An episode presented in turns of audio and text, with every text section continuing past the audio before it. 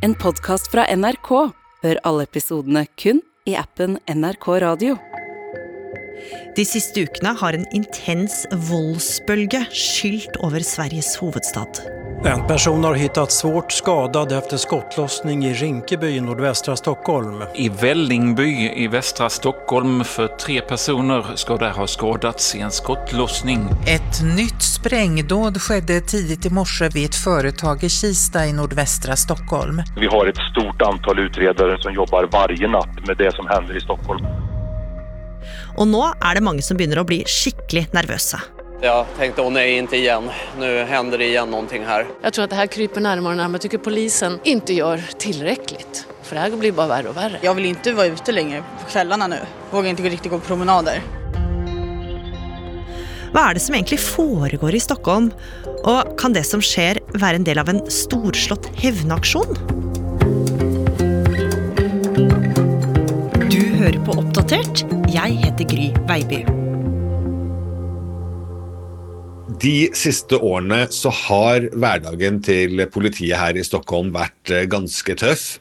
Men de siste ukene har det nok vært ekstra ille, og det har toppet seg med en rekke alvorlige voldshendelser.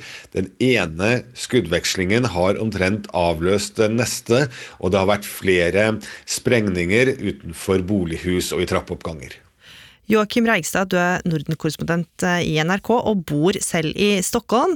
Og den dramatikken som politiet nå opplever hver dag med skyteepisoder og uhyggelig mange drap, den kommer stadig nærmere folk flest. Stemmer det. I forrige uke så var det kraftige sprengninger tett på hvor det bor folk. Og man har jo sett at det knapt går et døgn mellom hver sånn eksplosjon. Heldigvis så har det ikke vært noen som har blitt alvorlig skadet fysisk av dette her, men det skaper jo en frykt blant Stockholms innbyggere, spesielt de som bor i noen av forstedene som er utsatt for vold og krim. Og nå er det jo mange som stiller seg spørsmålet om politiet rett og slett har mistet kontrollen over disse mange gjengoppgjørene. Og det som ble starten på denne voldsbølgen, det skjedde i en periode som vanligvis er prega av hvilepuls, nemlig romjula. Det er tidlig morgen den 25. desember 2022, og Sveriges hovedstad er rolig.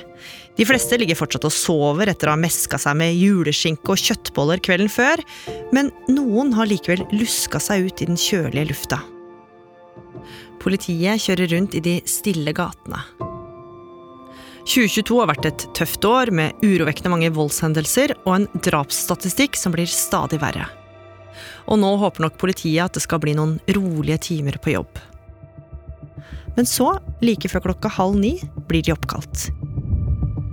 I Rinkeby, en bydel nord i Stockholm, har flere av beboerne våkna av høye smell utafor.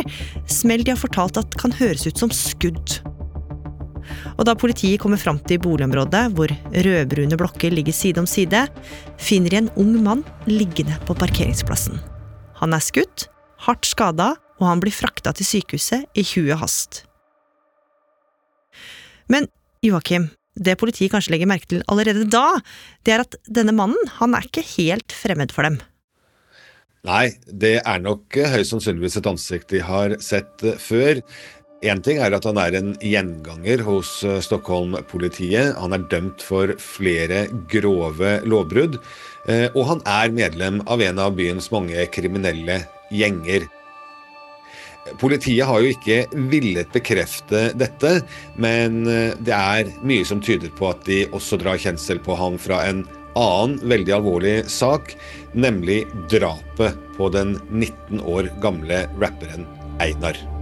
Den kända svenska rapartisten Einar är död. Rapparen Einar har skjutits till döds enligt uppgifter till oss på Aftonbladet. Ingen är ännu gripen och en stor polisinsats har pågått i området hela natten. Jag kunde inte tro på det. Jag är fortfarande väldigt chockad. Det här är väldigt sorgligt. I oktober 2021 ble den unge prisbelønte artisten skutt og drept utafor sin egen leilighet i Stockholm.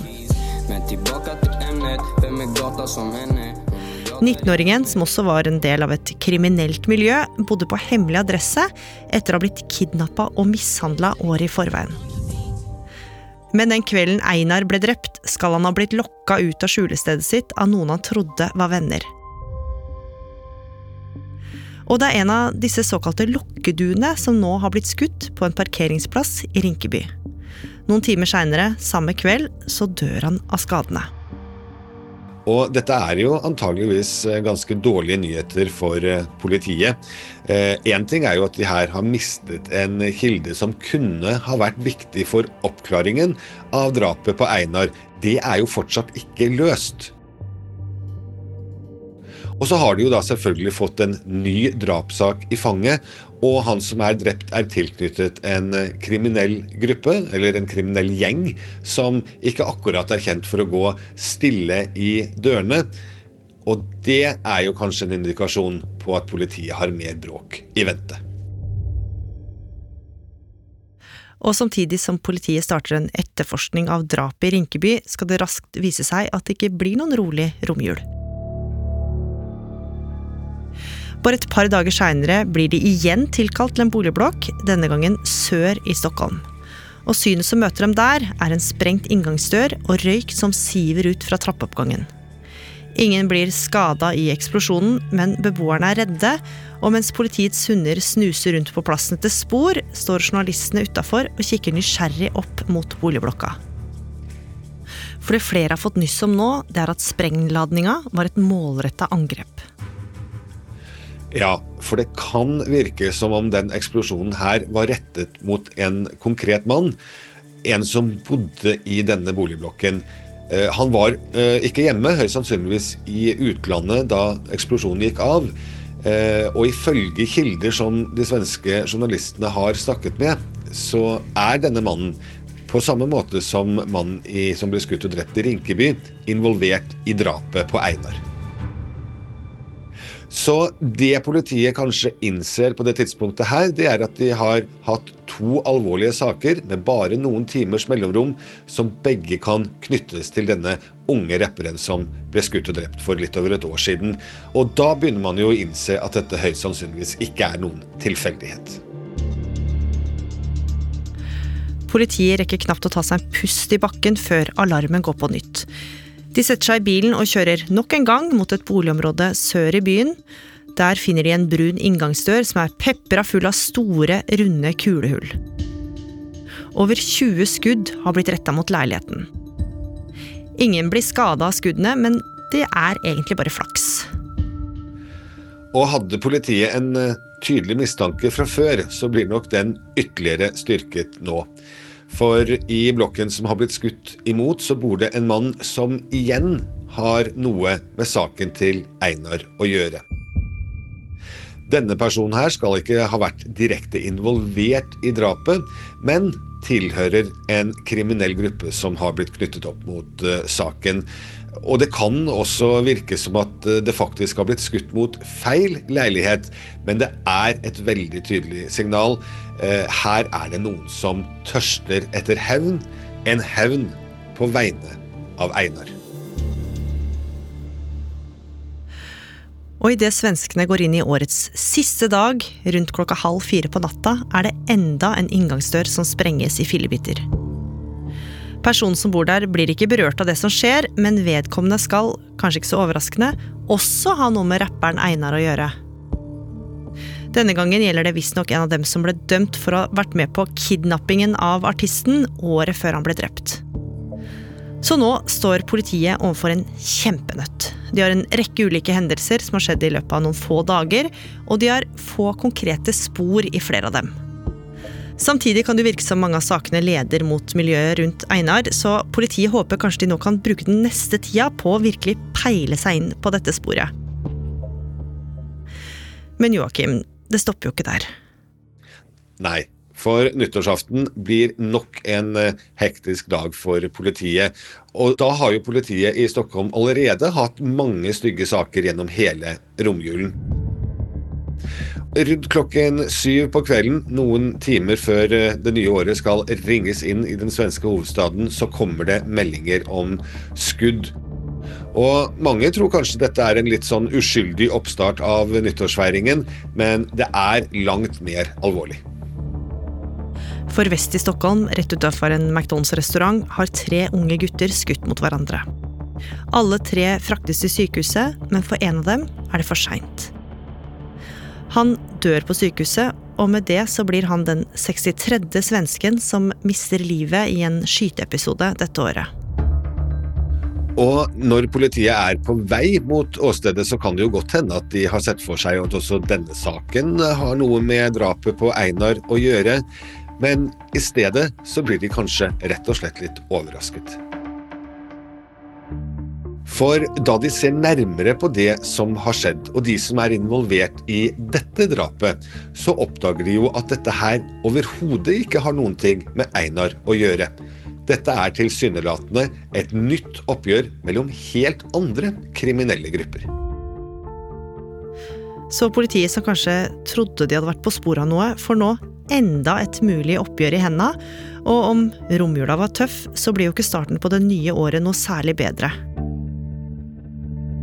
I dag tidlig gikk en sprengladning av i inngangspartiet til et kontorbygg i Kista nordvest i Stockholm. Vid tiotiden i går kveld sköts en man til døds i stadsdelen Huvudsta i Solna norr om Stockholm. Det har vært enda en våldsam kveld og natt i Stockholmsområdet med en dödad person, en sprengning og flere skytninger. Sverige har jo drabbats mye på senaste tiden av en eskalerende våldsspiral utan motstycke. De første dagene av 2023 er prega av eksplosjoner, skyteepisoder og drap. Og det som tilsynelatende starta som en målretta hevntokt, har i stedet blitt en saus av ulike kriminelle miljøer, deriblant to kjente rappartister fra hver sin gruppe. Men Joakim, hadde ikke alt det her noe å gjøre med Einar likevel? Ja, akkurat nå kan vi nok se for oss at politiet har flere spørsmål enn svar. Det har jo blitt en slags voldsspiral i Stockholm som ser ut til å bare fortsette og fortsette, uten at man egentlig klarer helt å finne ut bakgrunnen for de ulike handlingene, eller hvem som hevner seg på hvem. De kriminelle miljøene, spesielt i Sverige, er preget av en slags taushetskultur som gjør at politiet har veldig vanskelig for å få svar når de etterforsker disse sakene her, fordi de som har sett noe eller opplevd noe, er redde for å fortelle det til politiet. Selv ofrene, som kan ligge skuddskadet i sykehussengen, nekter å si noe til politiet, fordi de frykter at det å vitne, det kan føre til at familie, venner eller de selv blir utsatt utsatt for vold som hevn for at de har snakket. Og dette er og har vært en av de aller største utfordringene for det svenske politiet i mange år. Akkurat nå har de flere hundre etterforskninger knyttet til gjengkriminalitet bare innad i hovedstaden, men de kommer ikke alltid så veldig langt.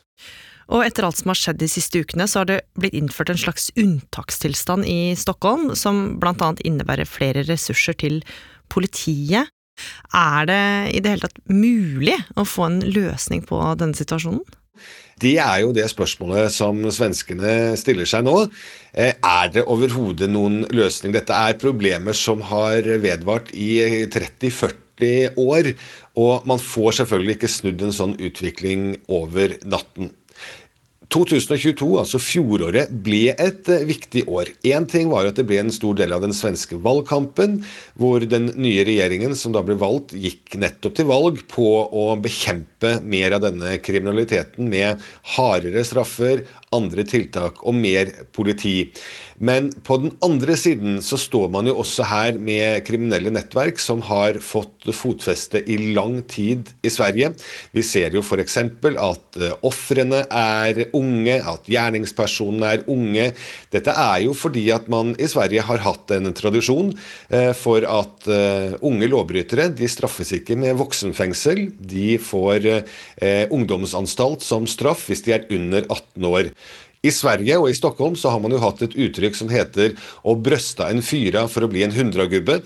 Det betyr at eh, unge mennesker begår alvorlige lovbrudd, kanskje drap, slipper unna med fire år i ungdomsfengsel, og så kommer de ut. Det venter en stor dusør på dem fra det kriminelle nettverket for den volden de har utført, og så får de kanskje også viktige posisjoner i de kriminelle nettverkene som voksne, men slipper å være fotsoldater, fordi de da sender unge eh, nyrekrutterte inn til å gjøre de mest alvorlige handlingene.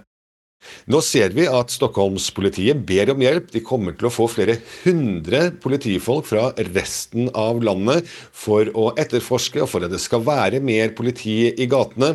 Håpet er selvfølgelig at det, sammen med nye politiske tiltak, som f.eks. at man kan vitne anonymt for å komme denne taushetskulturen til livs, kan bedre dette her.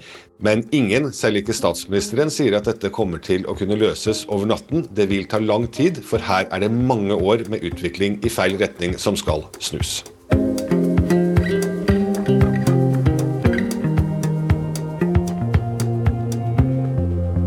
Oppdatert er en podkast fra NRK Nyheter, og denne episoden den er laga av oss. Produsent Line Orfjell. Teknikk og lyddesign Espen Bjørlo Mellem. Vaktsjef Ina Swann. Lars Hægeland. Og jeg heter Gry Veiby. Programredaktør er Knut Magnus Berge. Klippene du har hørt, er fra SVT, Aftonbladet, Ekspressen, Scandinavian Film Distribution og NRK. Har du tips eller innspill, så må du gjerne sende oss en e-post. Adressen er oppdatert krøllalfa nrk.no. Hele historien. En podkast fra NRK. Helge Ingstad over Sola TS. Helge Ingstad. Krigsskipet KNM Helge Ingstad holder god fart inn en trafikkert fjord nord for Bergen. Er det du som kommer her? Ja, det stemmer. Midt imot kommer det store tankskipet Sola TS, fullastet med olje. Helge Ingstad, kan må gjøre noe? Det begynner å nærme deg veldig. Ja, styr på med en gang. Havariet KNM Helge Ingstad hører du i appen NRK Radio.